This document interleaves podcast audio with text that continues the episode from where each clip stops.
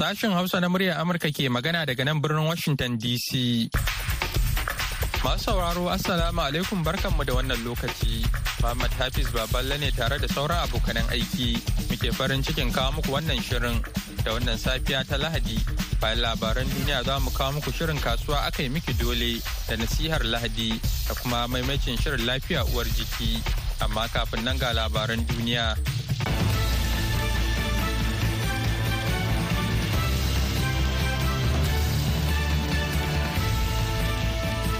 Jama'a assalamu alaikum. Sunana mahmud lalo.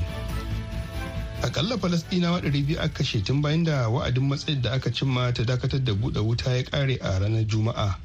Lamarin da ya kai adadin mutanen da suka mutu a gaza tun bayan harin bakwai ga watan oktoba zuwa mutum dubu sha biyar da ɗari biyu a cewar ma'aikatar lafiya a yankin na gaza wacce ta ƙara da cewa kashi saba'in cikin ɗari na wannan adadi yara ne ƙanana da mata. Falasɗinawa kusan miliyan biyu wato kusan daukacin adadin al'ummar ta Gaza na cunkushe ne a wani rabin yankin kudancin Gaza yayin da suke gab da kure malejin inda za su gudu don tsira da rayukansu. A ranar Asabar Isra'ila ta ci gaba da kai hari a wasu yankunan kudancin Gaza tare da ba da umarni ga fararen hula da su fice daga unguwannin da ta shata a matsayin waɗanda za ta kai hari. Dakarun Isra'ila sun wallafa wata taswira a shafin yanar gizo. Inda suka kasafta yankin na gaza zuwa ɗaruruwan sassa suka kuma umarci mazauna yankunan da su gane inda suke zaune gabanin wani gargaɗin kwashe mutanen da ake jira.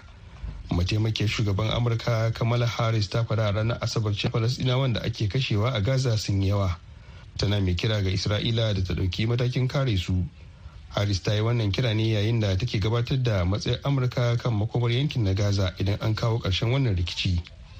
Babu dai tabbacin ko isra'ilan za ta saurari roƙon da amurka ke yi na kare fararen hula daga hare-harenta yayin da ta kudura niyyar kawar da daukacin mayaƙan hamas.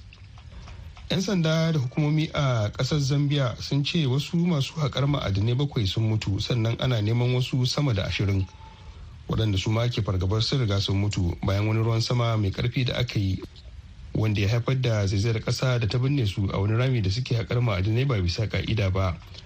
'Yan sanda sun ce har yanzu ba a kammala zakulo su ba daga ƙarƙashin lakar da ta rufe su.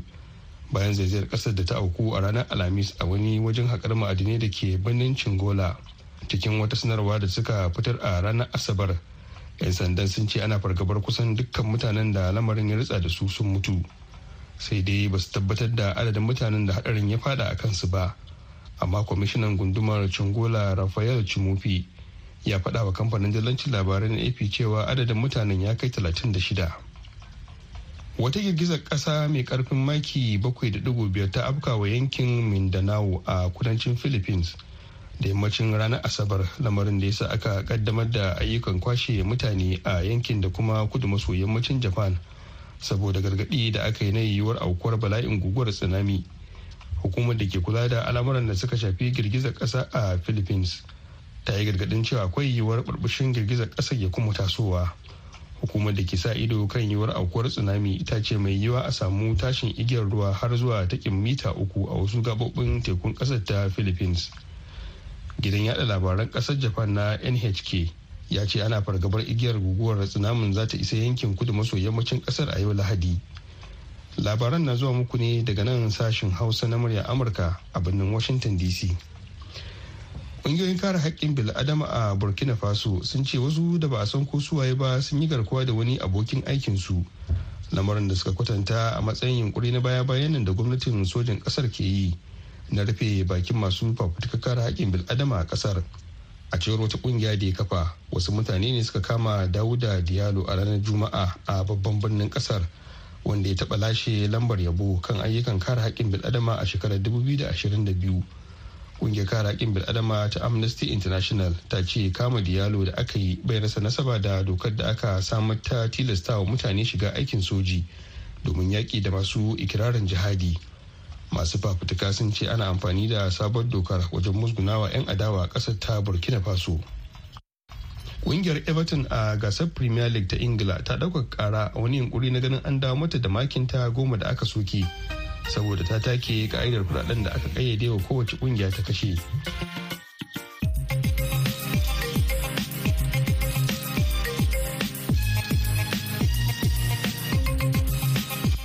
Labaran duniya kuka saurara daga nan sashen Hausa na muryar Amurka a birnin Washington DC. Yanzu kuma sai a gyara zama domin jin shirinmu na gaba. Shirin BOA Hausa. Kasuwa akai mikido ne kasuwa To masu saurari Assalamu alaikum. Barkanmu da saduwa a wani sabon shiri na kasuwa a kai maki dole daga nan sashen Hausa na murya Amurka wanda a yau shirin yana jihar Kogi inda muka leƙa kasuwar ƙasa da ƙasa da ke birnin Lakwaja wato International Market Lakwaja.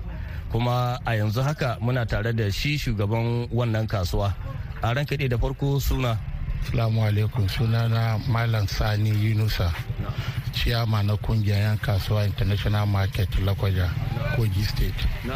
To ciyaman ko da yake ban same ka rumfarka ba amma dai na same ka shagon da ke kusa da rumfarka. A gaya mana ita wannan kasuwa wani ɓangaren kasuwanci ne ta himai da ƙarfi. To a wannan International Market din ba abin da ba kawo nan. Akwai kayan buhu, kayan hatsi, kayan gwari, akwai kuma su provision kuma duka na sayarwa wannan international market. Ko ta na wajen state goma sha biyu suna zuwa wannan kasuwa. Ana cin ta kwana huɗu huɗu ne. Na biyar din shi ne ake cin kasuwa din. Kuma alhamdulillah baki daban-daban suna zuwa wannan kasuwa. Amma ya harkar kasuwancin yake tafiya? To alhamdulillah kasuwan ji mu ci alhamdulillah. So da kasuwan yanzu dai ko ta ina an sa abin da muke fuskanta yanzu ta matsalan kuɗi. Abin da ya rage mana kasu addu'a ne. Ba ka kasuwan da ba kamar yadda na da ba. Don da aka yi wannan zaɓe din allah dai za mana mai alheri. Ba kasuwan to wato kana nufin yanzu ba a samun ciniki kamar ba kamar da ina ina ciniki ba kamar da ba. Yanzu wanda kai shigo kasuwa ma wajen ƙarfe tara zuwa goma yanzu ba gan kowa zaune a bakin ƙofar shagonsa ba. A yin da da ne zaka ga kwastoma na shiga ina fita wani na ɗauka wanda haka ko mu ma masu sai kayan hatsi kamar su wake shinkafa ba ka ta da ba muna zuwa wajen nima. Amma yanzu ga mu a zaune. Muna jira abin da Allah zai mana. Kayan magana kayan hatsin nan yanzu a nan kamar nawa kuke sai da ko kwano ko kuma buhu. To kamar buhu wake yanzu dubu ɗari da goma ne kowane buhu. Wani irin wake ja ko fari? Fari. ai jan wake ta fi kowane ma kuɗi masara kuma tana dubu talatin da biyar a yanzu kuma sabo ne kuma ma tana dubu talatin da biyar kashi ma wannan ma sabon ta fito tsoho ma na sayarwa dubu arba'in da biyar na sayar masara. Da kuwa ba tafi dubu bakwai dubu goma ba. Amma yanzu sabon masara yanzu din za ka saya nan dubu talatin da biyar ne.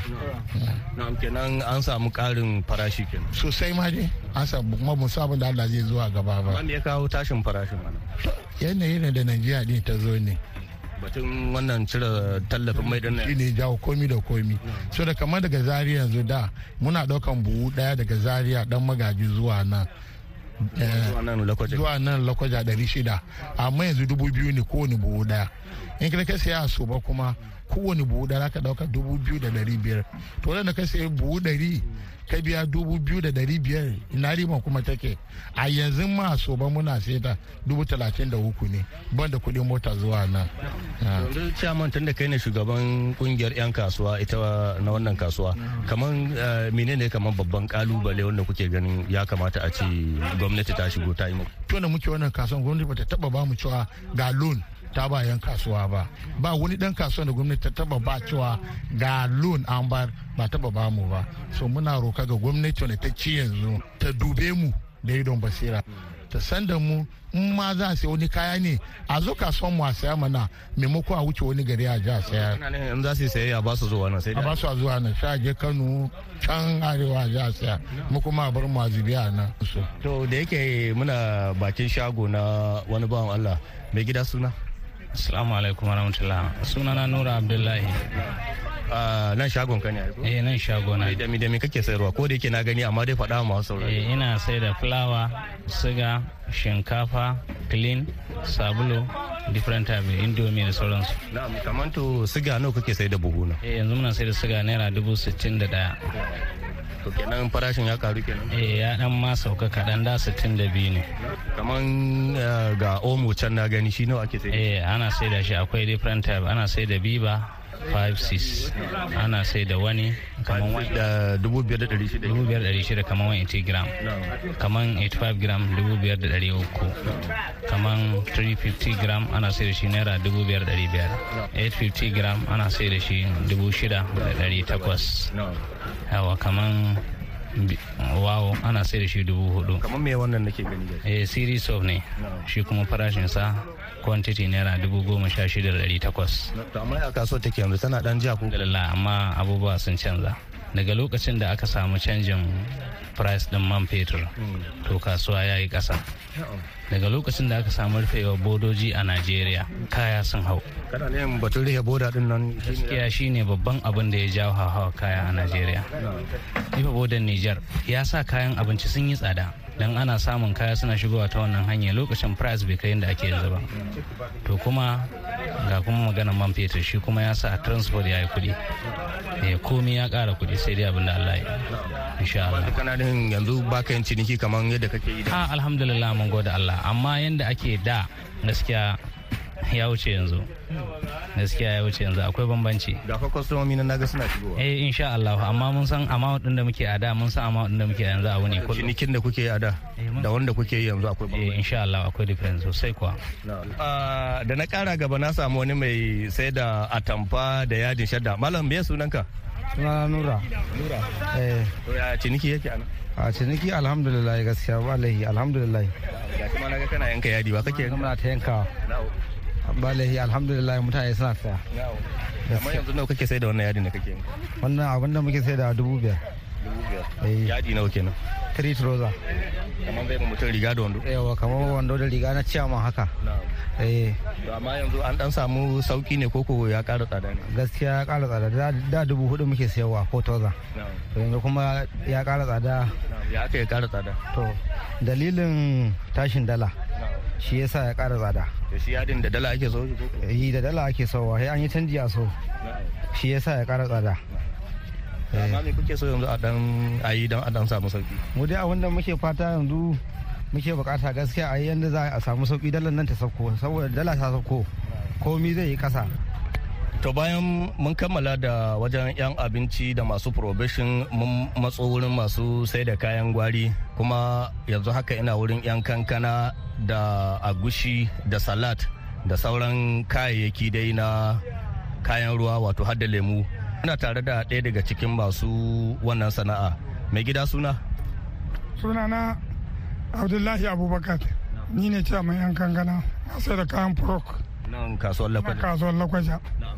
To yi mana bayani a harkar cinikin kankana kenan. to a harkar insha Allah alhamdulillah kuma muna cikin farin ciki da godiya da kuma abin da muke farin cikin da Allah ya sa mun samu ci gaba da kuma samun ƙari ga al'amuran jama'anmu Na'am kamar ya cinikin kankana yake yanzu ana samun kasuwa ko? ciniki alhamdulillah don kullum wani bi muna sauke mota biyu mota uku A nan kasuwar ana Lakwaja. kasuwar lakwaje ba laifi da abarba da kankana da kabeji da kara duka amma ta kara tsada yanzu koko tana sauƙi ne? Eh to ta kara kuɗi gaskiya. Amma yanzu dai ta dan sauko bisa ga da.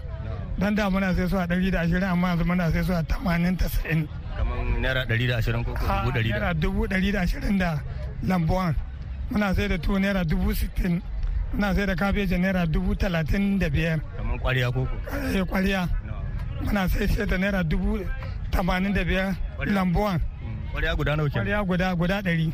Wannan kankana daga ina ne kuke samo ta? Daga arewa koko nan ake? Jigawa.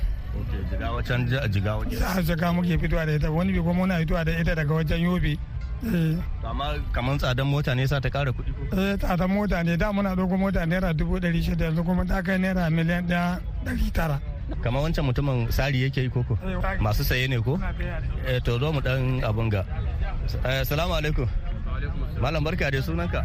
Sunana Nura. eh Nura. kai gashi kamar kana tsoro ne ka zo sarin kankana ne ka zo sayan kankana ne A'a. me ka zo yi Ni dan turin baro ne. Wa turun baro kake? Eh. To ya kasuwar turun baro ana ja koko? Ana ja sosai. Kana ciniki sosai? Ana ciniki sosai. Kamar yanzu a kullum kaman kana yin nawa a nan kasuwa.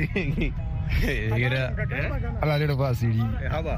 amin To masu saurare abin da ya samu kenan a cikin shirin na wannan lokaci a madadin kowa da kowa saman ma'aikatan sashen hausa na muryar amurka ni mustapha nasiru batsari daga nan kasuwar ƙasa da ƙasa da ke birnin lakwaja ta jihar kogin najeriya nake cewa mu zama lafiya farashi kan hau kan sauka kasuwa a kai miki dole Masu sauraro kada a shafa har yanzu ana tare ne da sashen Hausa na muryar Amurka a birnin Washington DC. Yanzu kuma ga nasihar Lahadi. Ni ne naku Reverend Marcus Louis Kuyat daga jihar Jigawa, pastor ne na Anglican Diocese in Dutse. A shirinmu na safiyan nan, na kawo muku maganan Allah daga cikin Bitrus ta fari tura huɗu, aya ta ɗaya. Yace tun da yake almasihu ya sha wuya a jiki domin mu, sai ku ma ku ɗauki irin wannan ra'ayi. Ai duk wanda ya sha wuya a jiki yana daina aikata zunubi kenan. Yau kan magana mu shine haƙuri da jimiri. Muna cikin na'ayi wanda idan ba mu da haƙuri a matsayinmu na Krista mabiyan Ubangiji to hawan jini da kuma sauran cututtuka za su ci gaba da yaɗuwa. Amma idan mun koyi daga shi Isa almasihu manzo Bitrus ya mana koyarwa yanzu yana nuna mana da cewa mun zama mutane masu haƙuri kamar shi Isa almasihu ya sha kunci a jikinsa an yi masa bulala ya sha wahala amma duk da haka bai razana ba ya ci gaba da karfafawa har ya kawo ga cetonmu. To abu guda ɗaya wanda nake so mu fahimta shine idan mun zama masu haƙuri a cikin Isa almasihu to lalle magana Allah ta tabbatar mana muna da lada sosai wanda Ubangiji zai ba mu. kuma ladan nan shine aljanna a ƙarshe wanda ya so bi son jiki yakan bi ya yi zanibi ya kasa ga darajar ubangiji amma mu kristoci kuwa yayan ubangiji mu wanda aka cece mu.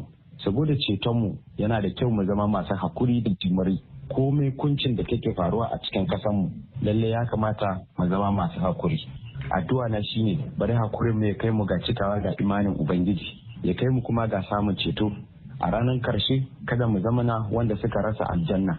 Hukuno ga gare ku da kuma addu'a ga ubangiji shine duk wata kunci bari ubangiji ba mu nasara. Kunci ta gwamnati kunci ta kuma wanda suke saka mutane suke kashe kashen mutane. Ubangiji tsare mu da kuma ba mu iyaka da su.